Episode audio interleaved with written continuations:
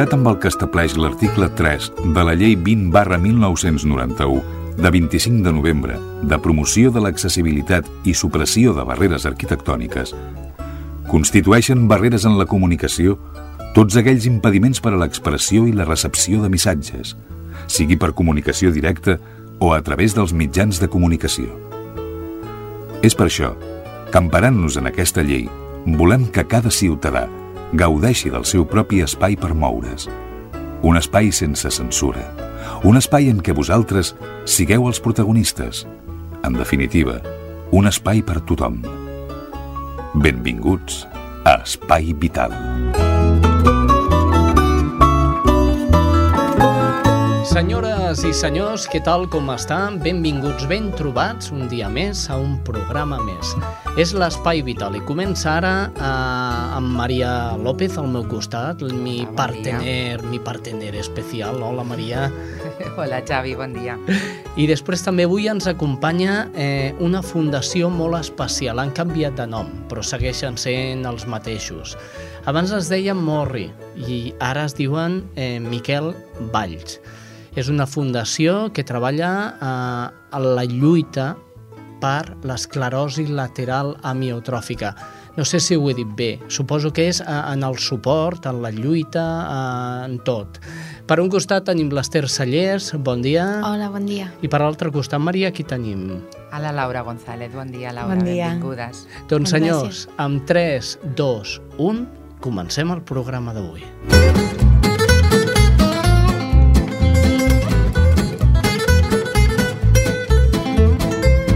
Això és Espai Vital.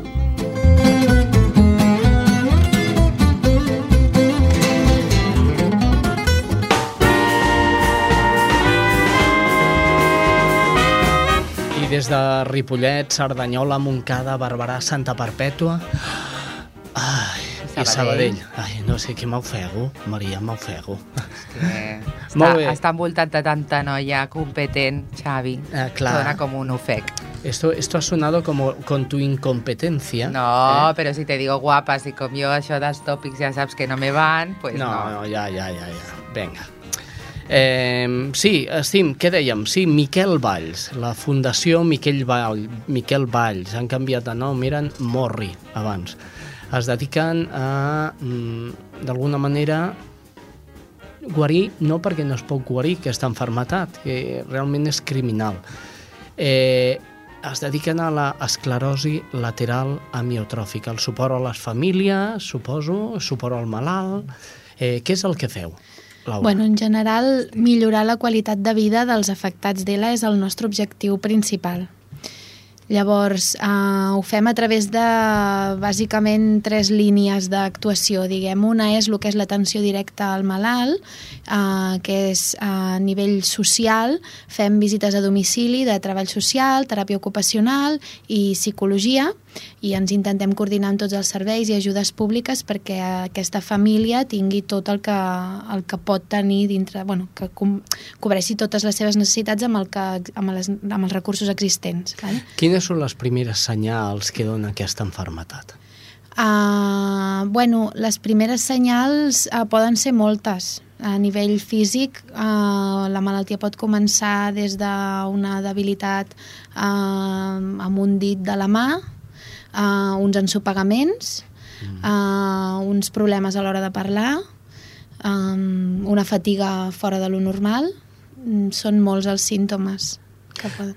I, I en el moment que apareixen aquests símptomes, quin és el pas que ha de fer la persona malalta que, doncs, que li pugui passar? Perquè, clar, no suposo que si et fa mal un dit, eh, eh, pot ser o no pot ser un símptoma, però en el moment que queda identificat un símptoma de veritat d'aquesta malaltia, quins són els passos que ha de fer la persona afectada? Un cop ja l'han diagnosticat, Sí, Home, nosaltres li recomanaríem que, que, que busqués un especialista en la malaltia, perquè al ser una malaltia considerada minoritària, clar, és una malaltia que molts metges potser no la- no l'han tractat habitualment i és bo doncs, que et pugui visitar una un neuròleg que, que conegui bé la malaltia.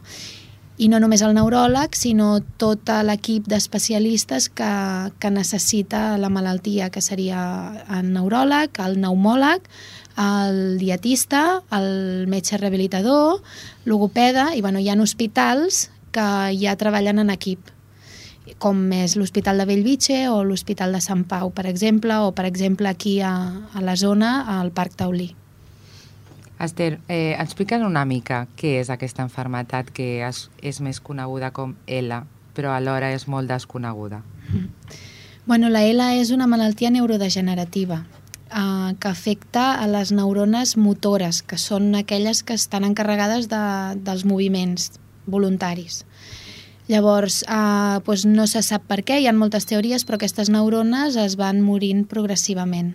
Llavors, clar, doncs, quan es mora la neurona, deixes d'enviar informació al múscul i aquest doncs, es va atrofiant i això que porta doncs, a que el múscul a que ja no hi hagi moviment. Es va perdent la mobilitat de tot el cos um, i llavors, bueno, clar, afecta altres parts del cos, com per exemple els de la deglució, la parla, la respiració... Bueno, pot afectar. Cada persona té una evolució diferent. Uh -huh. Crònica degenerativa del sistema nerviós central i, perdonin la duresa, mortal. És una malaltia que duren els malalts amb aquesta malaltia. Les estadístiques parlen de 2 a 5 anys d'esperança de vida, tot i que, bueno, sempre hi ha excepcions i nosaltres les coneixem de gent que viu més temps i vostès a través de la tele a l'Stephen Hopkins, per exemple. Molt bé, seguirem parlant d'aquesta malaltia amb, amb vosaltres. Ara el que volia fer jo és parlar d'ictus, eh, que no us sembli raro. És que en aquest programa anem d'un costat a un altre, quasi bé no ens donem ni compte. Eh, es fa una mitja marató a Barcelona corre per l'ictus, és per captar fons, per, per intentar pal·liar aquesta malaltia, i és per això que hem anat a Barcelona i hem parlat amb el cap del de, sector d'ictus de l'Hospital Vall Hebron, Institut de Recerca. Escoltem l'entrevista. Això és Espai Vital.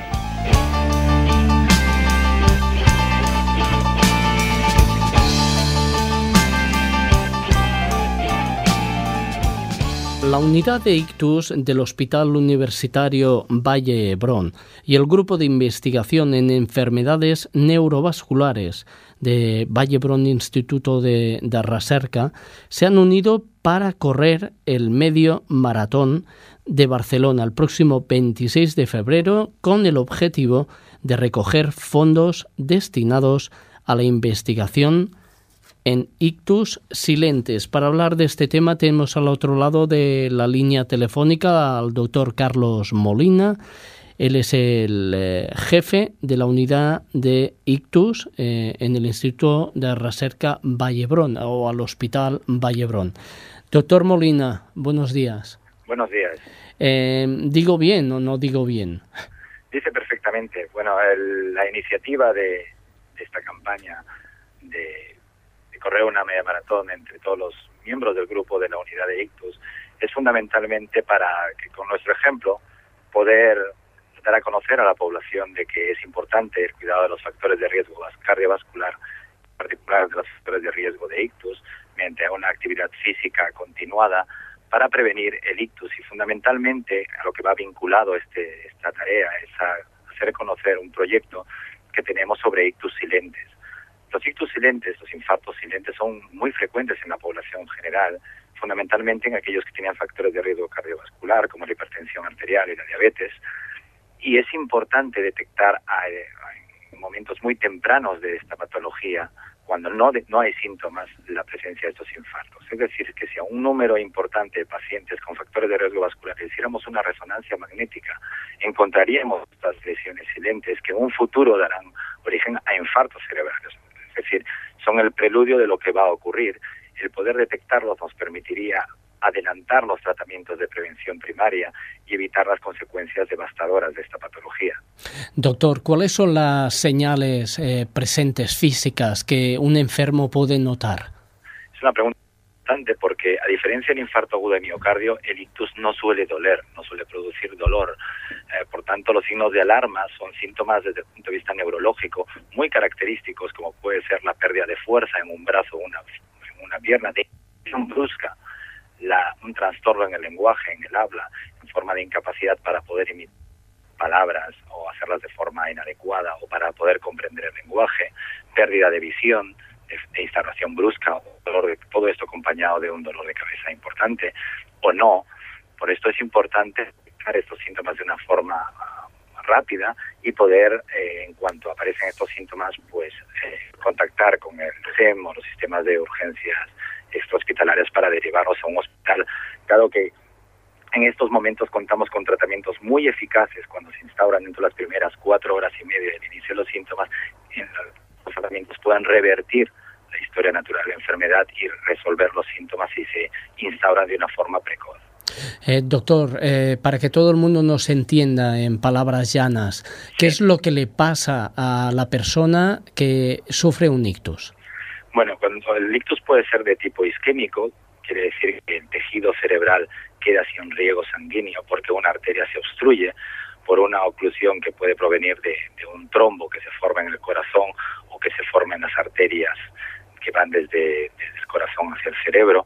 Esto produce una falta de riego sanguíneo en el cerebro que eh, momentáneamente queda sin función. De persistir esa situación, el tejido cerebral moriría y la situación sería irreparable, pero si se restaura el flujo, si se destapa esta arteria a tiempo, podría restablecerse la función y por tanto mejorar el pronóstico funcional del paciente.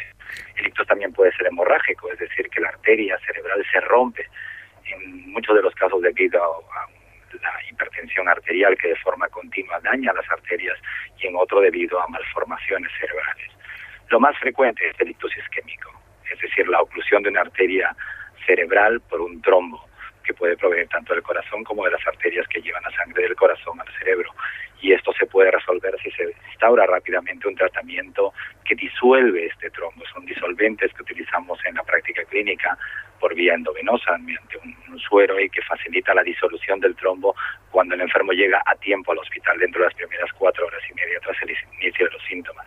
Es decir, que esto tiene su porqué. O sea, que se haga una media maratón viene relacionado con que es bueno correr eh, para no sufrir ictus. Sí, por estilo de vida es uno de los factores de riesgo más importantes y factores de riesgo modificables, a diferencia de otros que no pueden ser modificables. Eh, como enfermedades genéticas, por ejemplo. Eh, la hipertensión arterial, la diabetes pueden ser controladas, pero el estilo de vida va a conllevar a que se controlen de forma más eficiente estos factores de riesgo y, por tanto, el riesgo de ictus sea menor. De hecho, se ha demostrado que la actividad física continua reduce hasta en de una forma muy importante y significativa el riesgo de ictus y enfermedades cardiovasculares en general.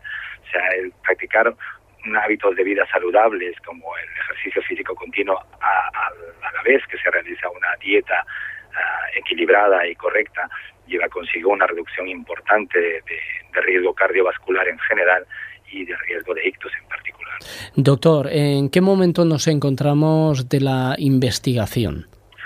Estamos en un momento bueno, diría yo. En los últimos 15 años se ha avanzado muchísimo en lo que es el desarrollo de nuevas tecnologías para el diagnóstico precoz de ictus y estudios genéticos que nos permiten identificar a pacientes de alto riesgo tener un ictus, en ellos se puede hacer un screening y una detección precoz de las patologías que potencialmente pueden conllevar a un ictus y corregirlas a tiempos antes de que el paciente tenga síntomas.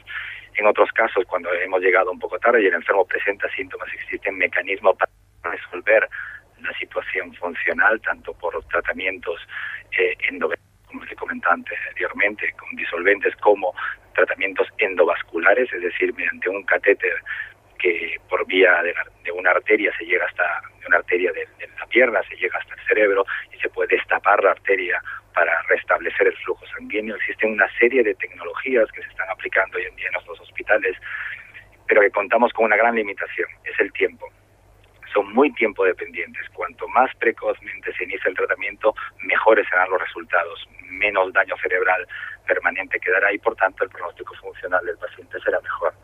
Doctor, eh, Mm, bien, yo supongo que ya la gente que no se escucha sabrá lo que es el ictus. Pero yo me pregunto, ¿qué finalidad tiene eh, la media maratón? Supongo que será recaudar o... Tiene ¿no? doble, una doble finalidad. Tanto la de recaudar fondos es, diríamos, una, una finalidad secundaria, subsidiaria. La fundamental es dar a conocer a la población de lo que es el ictus, los síntomas, de que existen los infartos silentes, de que hay un grupo de médicos que están dispuestos a correr una media maratón, porque para nosotros será unos cuantos kilómetros, pero para lo que es el desarrollo de la investigación clínica en nuestro país será un avance importante el poder detectar a, a este subgrupo de pacientes de alto riesgo potenciales pacientes de alto riesgo para que no tengan un ictus clínicamente sintomático en el futuro. El, cuanto a la recaudación de fondos desde el punto de vista económico, ya le digo que esos proyectos habitualmente son proyectos muy caros que superan los, los miles o miles de euros, muchos miles de euros, cientos de miles de euros, pero no, no, no, no pretendemos esto con nuestro granito de arena, que es como se llama la, la, la, fundación para la que, a través de la cual queremos realizar este, este estudio y este, este, esta obtención de fondos. Simplemente queremos, es algo simbólico, nos hemos propuesto 25.000 euros, pero la idea es fundamentalmente no es conseguir tanto los fondos como por otro lado dar a conocer a la población de que existe este problema y que puede ser, eh, puede solventarse con, con medidas de investigación clínica y hoy en día también con tratamientos específicos. La manera de colaborar eh, es que la gente venga a esa maratón. Sí, sí pueden colaborar ah, colaborando, eh, participando en la maratón también a través de la, de la página web que es migranitodearena.com. Eh, hay una, dentro de esta hay una que es una, parte que es, corresponde a la unidad de ictus y, y ahí encontraréis toda la información referente al, a nuestro proyecto y el por qué hacemos esta, esta, por qué tenemos esta iniciativa. Muy bien, pues doctor Carlos Molina, le agradecemos muchísimo su atención con Spy Vital y que vaya todo muy bien el día 26.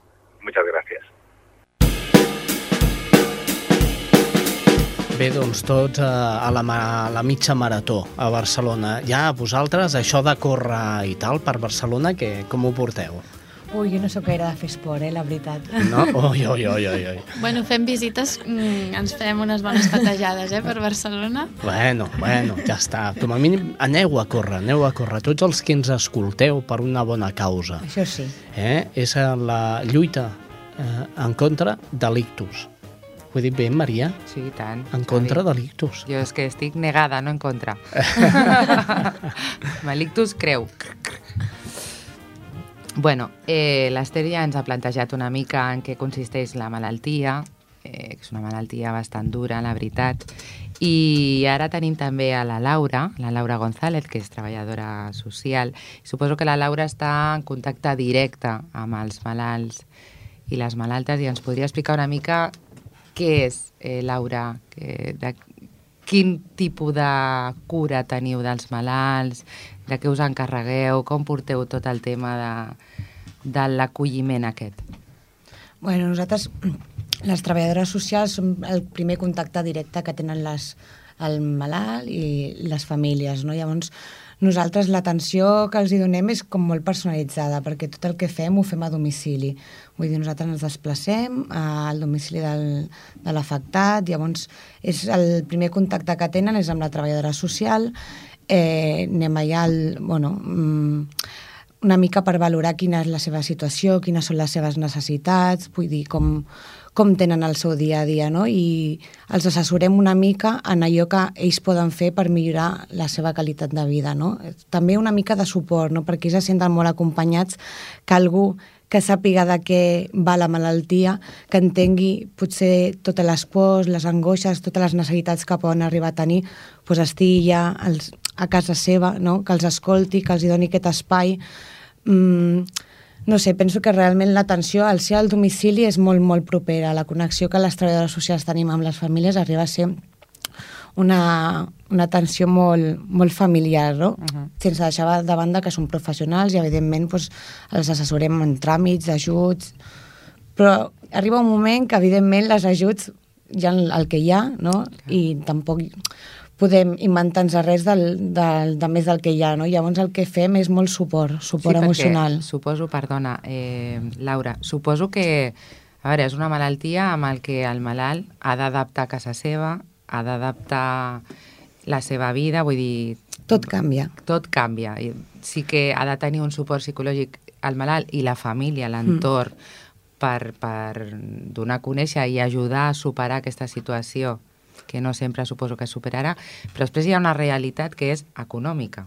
Sí. Vull dir, el tema aquest que tu apuntes dels ajuts, quin tipus d'ajuts tenen i quin, i quin tipus d'ajut vosaltres penseu que podrien necessitar, no? Bueno, és que els ajuts que tenen és això, quan és una malaltia, que a part de que, bueno, el que tu deies, que eh, implica un canvi tant en la família com en el propi malalt, es requereix molts de diners perquè -huh. bueno, doncs has d'adaptar al teu dia a dia, has d'adaptar la casa, necessites ajudes, o sigui, ajudes tècniques que has de comprar, eh, un cuidador, una persona que et cuidi, perquè evidentment en què tinguis un familiar és atenció 24 hores, i llavors, clar, les ajudes són molt reduïdes. Nosaltres tramitem tot el que hi ha actualment que no, no hi ha gaire, uh -huh. i llavors també és veritat que des de la Fundació hi ha molts serveis que els oferim com per exemple, bueno, a part de l'atenció psicològica que es fa a domicili perquè tinguin una atenció continuada, és una persona, una psicòloga que entén de la malaltia, llavors els hi, també els hi dona aquest suport. A part tenim la teràpia ocupacional, que és en tot el tema d'assessorament de la llar, que això és una de les necessitats més importants, perquè bueno, doncs la persona cada vegada té més dependència, evidentment doncs has d'adaptar no? el teu entorn, tu... Mm, quan estàs bé, doncs, tens, no, no, no, la casa la tens com la tens i no hi penses en que el dia de demà doncs, pots necessitar un llit que sí. es mogui, per exemple, no? O, X coses, o no? Una, o una butaca, o, una butaca, o, o... ha gent que viu en un segon sense ascensor i no penses que algun dia no, no podràs pujar per les escales, no? Mm. Llavors, clar, en aquest sentit, doncs, el servei de teràpia mm, el que fan és a domicili un assessorament sobre el que ells, el que ells necessitarien perquè el seu dia a dia fos més fàcil i des de la Fundació tenim un banc de productes de suport uh -huh. Que nosaltres els, deixem a la, els hi deixem a les famílies. O sigui, tenim llits, tenim cadires de rodes, butaques, coses que hem anat comprant per subvencions que ens han anat donant, i llavors un material que nosaltres els hi deixem a les famílies perquè, evidentment, les ajudes hi han per adquirir aquest material, però són ajudes que tarden molt, molta gent no pot accedir perquè hi ha uns requisits i clar, són persones que tu no els hi pots dir mm, espera't un any que et donin l'ajuda, perquè tu si necessites un llit, necessites avui, clar. No dintre d'un any, no? Llavors nosaltres el que fem és facilitar una mica en aquest aspecte, els hi deixem el material si en tenim, evidentment, no tenim de tot i per a tothom i hi ha llista d'espera i bueno, doncs, anem fent, no? El que passa que bueno, doncs intentem ser el més ràpids possibles i que la família pugui accedir a aquest material, fins que li donin l'ajuda que pugui optar. Escolta'm, quin és l'àrea d'actuació de la Fundació? Tota Catalunya. Tota Catalunya. És Nosaltres dir, anem a tota Catalunya. Si us truquen des de... Des de sort anem a sort. I... Quantes persones sou? De treballadores socials sí. ara som cinc. Cinc. Sí. Bueno, hi ha el, eh, som cinc treballadores socials, una psicòloga i tres terapeutes ocupacionals. I actualment quants bueno, casos... Bueno, s'ha de dir que de les cinc sí, treballadores sí, hi ha socials hi ha dues que, que no... fan altres tasques sí. que no uh -huh. són exclusivament el treball social. Que es dediquen a treball social, bueno, som tres. I quantes que... visites teniu actualment? No et diré quants casos. Bueno, et puc dir, eh, 60 casos així, cada 60. una portem. Sí, de 60 a 70 casos. I, bueno, solem sortir un dia o dos a la setmana i fem en, en un dia pots fer unes quatre visites, perquè clar, no són visites d'una hora. Clar. I llavors, i també el desplaçament, no? I compta doncs, que en un dia fem, podem fer quatre visites. A no ser que te toqui una sort, sí. que fas una i... Sí, depèn d'on et toqui, clar, evidentment, intentem, bueno, aviam, nosaltres hi fem un seguiment molt, intentem anar cada tres mesos a veure'ls, però igualment cada mes els, es truca a totes les famílies perquè, bueno, poden sorgir coses o, que poden necessitar que hi vagis més sovint o el que sigui, però vull dir que els tenim, o sigui que anem fent un seguiment bastant continu. Hauríem de fer una petita parada en aquesta entrevista per anar a donar una volta per tot el Vallès Occidental, per conèixer quines són les últimes notícies en quant a sanitat. Anem a fer la volta. Estàs escoltant Espai Vital. Espai Vital.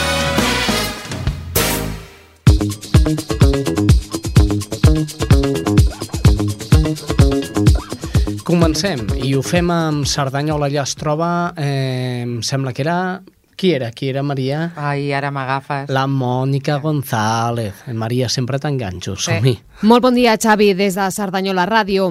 Les persones cuidadores de malalts dependents necessiten també suport terapèutic i per aquest motiu ha nascut a Cerdanyola un grup de suport gratuït amb reunions periòdiques a l'Ateneu. Bartolomé Cervantes és el cap visible del grup que es reuneix cada dilluns a la sala 10 de l'Ateneu. El grup es reuneix de 10 a 12 del matí a la sala 10 i ofereix recolzament i ajuda mutus als familiars de persones amb malalties dependents. L'objectiu és intercanviar coneixements i explicar-se els problemes, donant-se suport i recolzament psicològic mutu. És un grup autogestional en el que tenen cabuda els familiars que tenen a càrrec malalts afectats per patologies com l'Alzheimer, esclerosi múltiple, esclerosi lateral, amiotròfica o d'altres que suposin dependència. De moment no s'ha plantejat oferir des del grup assessorament i orientació pel que fa a les ajudes que es poden obtenir a aquestes famílies perquè, segons recalquen, normalment les persones que van a un grup de suport ja tenen diagnosticat el seu familiar com a dependent. Cervantes subratlla que aquest tipus de grups són bons per a tothom, no només per als cuidadors que pateixen sovint estrès i angoixa, sinó també per a les persones malaltes. Per participar a les reunions del grup es pot trucar al telèfon 93 692 86 98 o bé presentar-se el dilluns entre 10 i 12 del matí a l'aula 10 de l'Ateneu. I això és tot des de Cerdanyola Ràdio. Salutacions Espai Vital.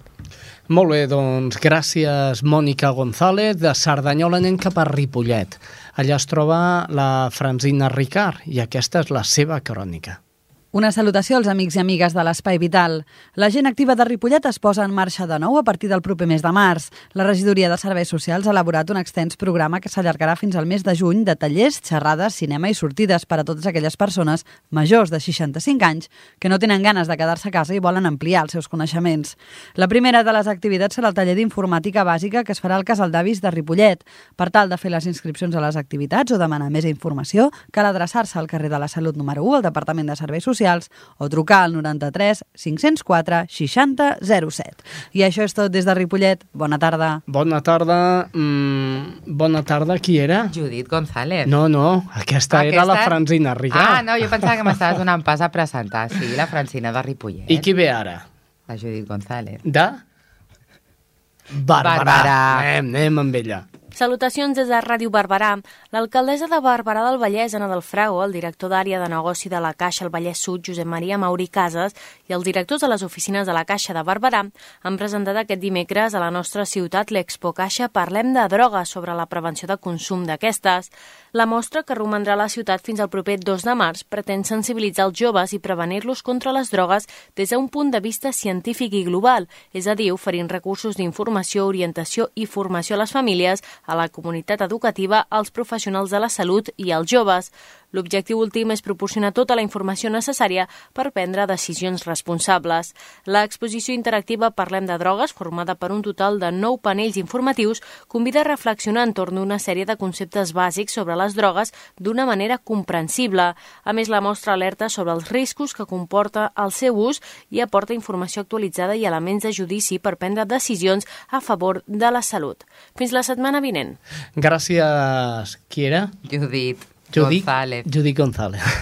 Em dóna el riure Molt ja. bé, doncs ara ja és el moment, és el moment d'anar cap a Santa Perpètua de la Moguda o cap a Montcada? Cap a Montcada, m'apunten.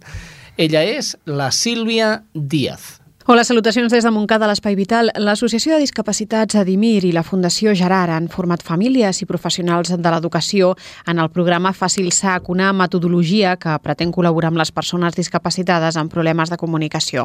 En tres sessions, en representants de vuit escoles, centres especials eh, i escoles i instituts ordinaris han rebut aquest curs impartit al Centre d'Atenció Integral per Discapacitats eh, que Adimir té al barri de Terra Nostra. El programa utilitza una metodologia específica que té en compte els aspectes curriculars, cognitius i psicològics dels afectats, així com els socials i tecnològics que poden incidir de forma directa o indirecta en l'aprenentatge del llenguatge.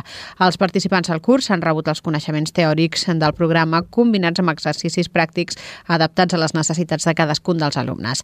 I no deixem de parlar d'Adimir perquè l'entitat ofereix el pròxim 1 de març una conferència a la Casa de la Vila amb el nom Compartir experiències avui per conviure junts demà, dedicada a la inclusió dels nens i nenes persones amb discapacitat. La xerrada anirà a càrrec de Carme Fernández, la directora del Centre Integral de Dimir. Aquesta xerrada forma part del cicle de l'Escola de Mares i Pares que promou la Federació d'AMPA del municipi. Doncs bé, això és tot. Fins la setmana vinent. Gràcies, Sílvia Dia. De Montcada ens n'anem cap a l'altra punta. Santa Perpètua de Moguda. Salutacions des de Santa Perpètua de Mogoda. La Regidoria de Salut Pública de l'Ajuntament de Santa Perpètua ha endegat un control de la qualitat de l'assistència sanitària de l'Hospital de Mollet. Aquest departament municipal recollirà les queixes i suggeriments del veïnat perpetuenc. L'objectiu és fer el seguiment de les possibles incidències que es puguin produir i vetllar per la qualitat assistencial de l'Hospital de Referència de Santa Perpètua des de l'1 de gener. Les persones que tinguin alguna queixa o suggeriment sobre l'assistència a l'Hospital de Mollet es poden adreçar directament a la Regidoria de Salut Pública via telefònica a través d'una instància d'un correu electrònic.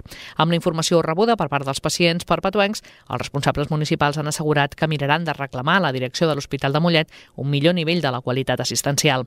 El regidor de Salut Pública, Francesc Rodríguez, ha explicat que l'Ajuntament de Santa Perpètua vol fer un seguiment de la qualitat assistencial de l'Hospital de Mollet, que és el centre de referència de Santa Perpètua des de l'1 de gener, i ha afirmat que les retallades de la Generalitat ja estan afectant el servei. El regidor de Salut Pública anima la ciutadania que tingui alguna queixa a fer-la arribar al consistori. La regidoria de Salut Pública de l'Ajuntament de Santa Perpètua ha endegat un control de la qualitat de l'assistència sanitària de l'Hospital de Mollet. Això és tot des de Santa Perpètua. Fins la setmana vinent. Doncs molt bé, eh, fins aquí la roda informativa, Maria. Una mica paratosa, eh? Cerdanyola, Ripollet, Montcada, Barberà... No, és que com ja heu comprovat, jo tinc un problema personal amb els noms. Vull dir, això no millorarà amb la, a, a lo llarg de la meva vida. De fet, mira, parlant de noms, ja m'han fet una altra correcció mm, per la qual tornem a demanar disculpes a tota la gent que viu a Santa Perpètua de la Mogoda. De la, no. No, de la De. no. Santa Perpètua de Mogoda. Eh, ho he dit bé o no, Laura? No. Moguda. Mogoda? Mogu- Santa Perpètua de Moguda. Santa Perpètua.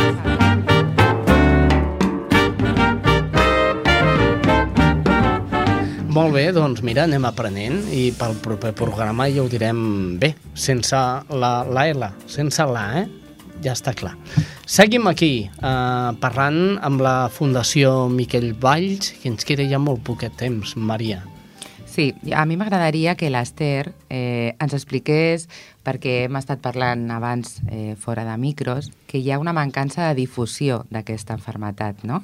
I que ens expliqués la campanya que estan portant a terme per donar-li més empenta i més difusió a aquest tema.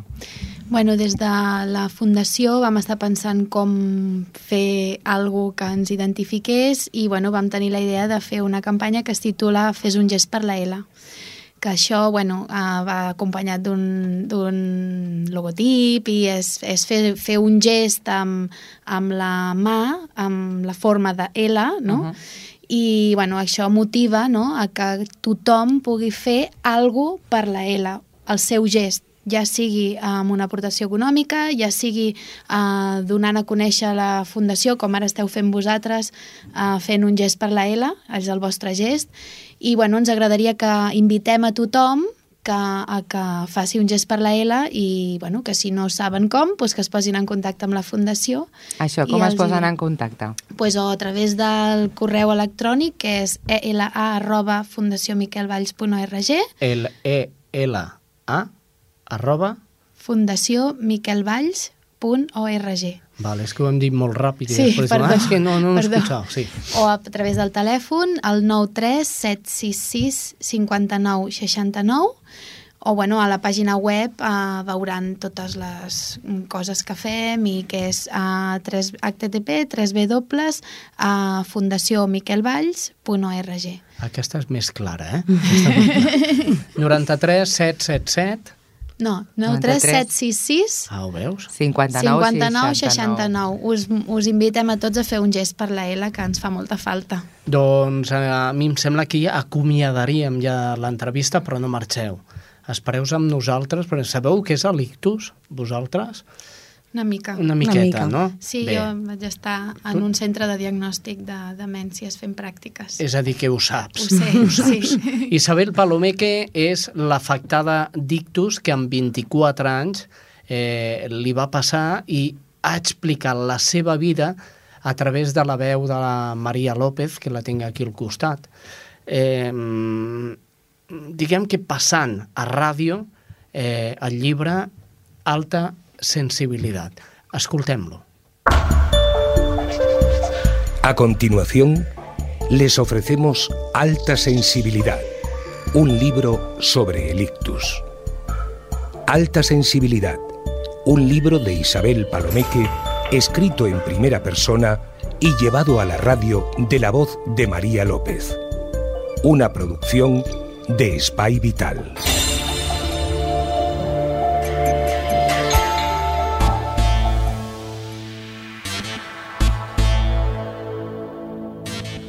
Cada siete meses aproximadamente visitaba el pueblo que mis padres habían escogido para sus días de reposo, Quintanilla Escalada, ubicado en un paraje precioso de la provincia de Burgos. Allí tengo un montón de gente de quien no puedo olvidar su comportamiento, dado que, conscientes de mi desgracia, han actuado más como hermanas y hermanos que no como amigos. Mónica, Idoya, Merche, Juanda, y tantos otros que llevaré siempre en mi corazón con profundo agradecimiento.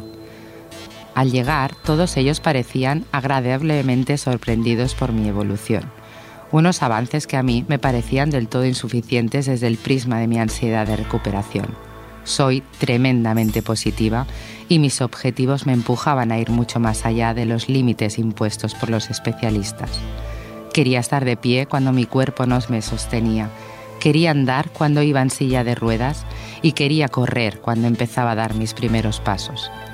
En el fondo sé que esta impaciencia es la que me ha conferido una fuerza extraordinaria que me levanta, me empuja y me fortalece día a día. Actualmente recurro sin ningún prejuicio a los amigos o conocidos que están conmigo en un momento dado si necesito su ayuda.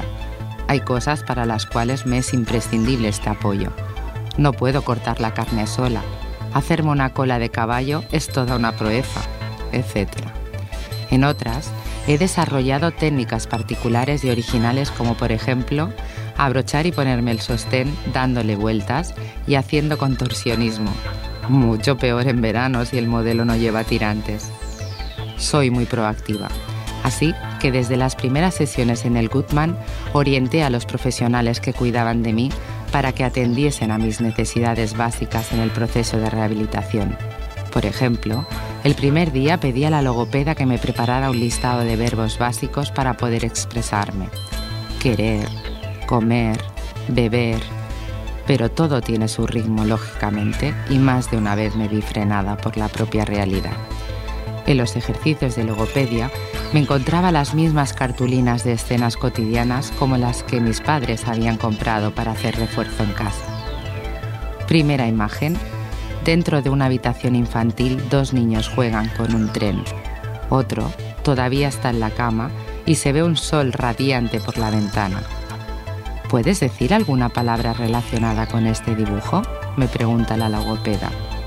Y yo, lo miraba y pasaba el tiempo rebuscando en el cerebro alguna palabra útil que me hiciera pasar la prueba. ¿Sabrías decir qué es esto? señalando el tren de juguete. Un buen rato después, continúo reflexionando hasta que el milagro se produce y de mis labios sale la maldita palabra. Tren, respondo convencida de que sí, que he acertado, aun cuando mi pronunciación no sea todavía demasiado buena el Goodman, suponía un paso adelante. Me sentía como si hubiera sido aceptada en una liga superior. De tal manera, me sentía tan animada que los primeros días olvidaba la debilidad de mi cuerpo, la falta de estabilidad, y esto me trajo más de un susto cuando me quedé atrapada en el servicio, por ejemplo. Me había caído y los músculos de mis piernas no eran lo suficientemente fuertes para ponerme en pie de nuevo. Durante casi un cuarto de hora estuve pidiendo ayuda a gritos hasta que un fisioterapeuta me encontró. Segunda imagen. Una botella de Coca-Cola. ¿Sabes qué es esto? Me pregunta otra vez la logopeda y yo respondo. Coca-Cola. No es que hubiera recobrado la memoria lingüística. De nuevo, la lectura simbólica me ayudaba a solventar la cuestión. Pronto aprendí que las palabras por sí solas si no tienen una imagen de base, huyen de tu mente. Peor aún ocurre con las preposiciones, los artículos y todos aquellos elementos gramaticales que no se visualizan. Mientras avanza en la exploración de la mente, yo continuaba con mi proyecto de evitar la silla de ruedas. Empezaba a caminar y me había impuesto la dura disciplina de ir a todas partes por mi propio pie, usando como mucho el transporte público. Así pude, arrinconé la silla, las muletas y el bastón. Al menos yo lo podía hacer. La mayoría de mis compañeros del Goodman se encontraban sentenciados por un estúpido azar y pese a sus esfuerzos, no volverían nunca más a andar. Ellos estaban mal y yo también, pero a mí me quedaba la afortunada incertidumbre del progreso. Cinco meses después del ictus, mi agenda giraba alrededor de la rutina del Goodman. La doctora responsable de mi caso nos convocó para la primera evaluación. Isabel ha hecho un gran esfuerzo en este tiempo, pero es evidente que la recuperación del brazo derecho será prácticamente imposible. Creo que te deberías hacer a la idea de que solo tienes un brazo útil, así que haremos una serie de ejercicios para que puedas encontrar la manera más cómoda de llevar a cabo tus tareas cotidianas. He perdido el brazo derecho para siempre y se supone que ahora deberé aprender a escribir, a abrir las puertas, a comer, a vestirme con el brazo izquierdo. Todavía no estoy preparada para la derrota, para aceptar que hay algo que no conseguiré pese a mi perseverancia. Me hundo y lloro con autocompasión. A mis padres presentes les duele la crudeza del diagnóstico y me consuelan asegurándome que buscarán una segunda opinión. De hecho, fueron una segunda y una tercera. En pocos días, mi expediente fue a parar a manos de los máximos expertos de la Fundación Matilla de San Sebastián y al Hospital Aitameni. Todos llegaron a la misma conclusión. El tratamiento es correcto. No hay nada más que hacer puesto que la situación es especialmente grave y con una solución incierta. De un lado me siento abandonada por los médicos, que ya no saben qué responder a mis requerimientos. De otro, me niego constantemente a aceptar esta limitación. Quizás todos se equivocan. Quizás todavía encontraremos alguna terapia experimental que me permitirá reactivar los músculos y las neuronas perdidas. Quizás, quizás. Un mes después, una evaluación más, pierdo los nervios y sufro una crisis de ansiedad seguramente todavía traumatizada por el impacto de la última visita. El diagnóstico es otra vez implacable. El proceso se ha estabilizado y nos adelantan que la rehabilitación debería empezar a reducirse a tres días a la semana. Han perdido la esperanza. El tratamiento en el Goodman ha llegado a un punto muerto, pero nos negamos a aceptarlo. Otra vez nos ha llegado el turno de decidir qué hacer a partir de ahora. Y hasta aquí, Alta Sensibilidad, un libro sobre el ictus. Alta Sensibilidad, un libro de Isabel Palomeque, escrito en primera persona y llevado a la radio de la voz de María López. Una producción de Spy Vital. Alta Sensibilidad, un libro de plataforma editorial.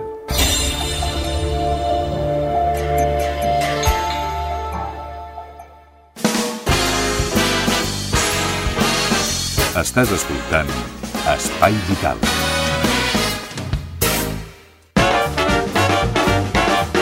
Realment esfereïdor, eh? Jo cada cop que et sento, Maria, em fas cada cop més por, eh? Menys mal que té mm, la part positiva de que les coses acaben molt millor. No els hi adelanto perquè si no els hi foto l'aire els capítols d'alta sensibilitat. La però... vida, Xavi, jo crec que té una de cal i una de sorra. Sí, tot don, Llavors... don mil voltes. Sí, efectivament. Però s'ha d'afrontar amb optimista... Amb, amb, uh,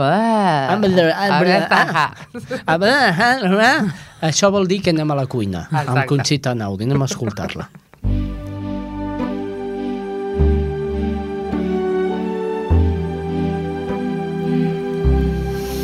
Hola, Xavi. Mira, aquesta setmana et porto una recepta d'origen sicilià. Fettuccini San Alberto.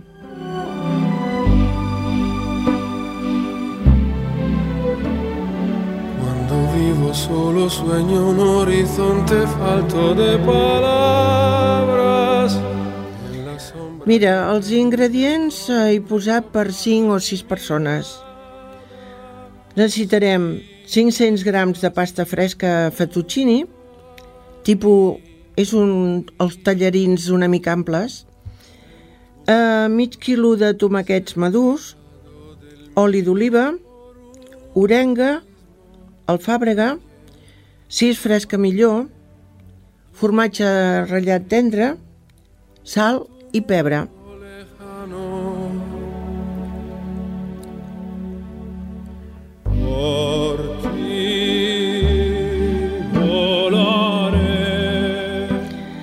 La preparació, mira, preneu nota.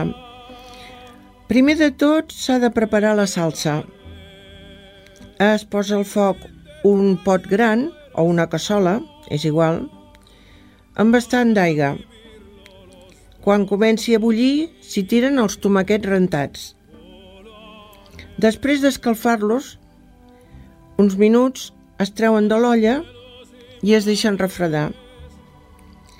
Seguidament els hi traieu la pell i les llavors i l'accés d'aigua.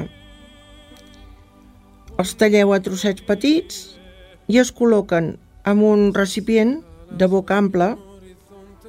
S'hi afegeixen 4 cullerades grosses d'oli, orenga, alfàbrega picat, ben fi, sal, pebre i es deixa marinar. Mentrestant, el que heu de fer és bullir la pasta i quan està a punt, l'escorreu i es posa en el recipient que hi ha els tomàquets i es remena amb molt de compte. S'hi posa el formatge ratllat, es rectifica de sal i pebre i oli, si fa falta, i ja està, es pot servir. També hi ha una petita variació, que aquest plat tan senzill, eh, perquè té la base de tomàquets, també s'hi poden afegir unes olives, a trossets, unes alcaparres, anxoves, això segons el gust i tradició de cada un. Eh? Doncs res més. Espero que us hagi agradat i fins la setmana que ve. Molt bé, doncs que ja saps, ja saps el que has de fer a l'arribar a casa. Que a part tinc una gana, Maria. Jo també. Xavi, ja és l'hora de dinar. O de berenar o de bé, sopar. molt bé, molt bé, molt bé, molt bé. Bé, acabem aquí, eh? Ho deixem estar aquí. Ens han acompanyat l'Ester González. L'Ester Sallés, perdó. Ai! L'Ester Sallés i la Laura González. Ho veus? Sí, sí sempre... No, no todo sempre... se pega, todo se pega. La tonteria és la tonteria. Us volem donar les gràcies per haver vingut. Gràcies a vosaltres. Això, gràcies per a vosaltres per donar-nos l'oportunitat. Por Dios, que me pongo rojo. I bueno, per acabar, com ja sabeu, tenim sempre un tema musical dedicat i avui li dediquem a la Laura i a les persones com la Laura que enfronten amb aquest somriure tan maco que vosaltres no veieu, però nosaltres sí, Mhm. la vida amb camins a cop de roc. Aquest tema jo, més que amb elles, eh, el dedicaria a tota la Fundació Miquel Valls. I tant. Gràcies a les dos per haver estat aquí. Gràcies. Moltes gràcies. I a vostès, gràcies, senyors, per escoltar-nos un dia més, una setmana més. Tornarem la setmana vinent. Us deixem amb la música que ha dit la Maria. A cop de rock o...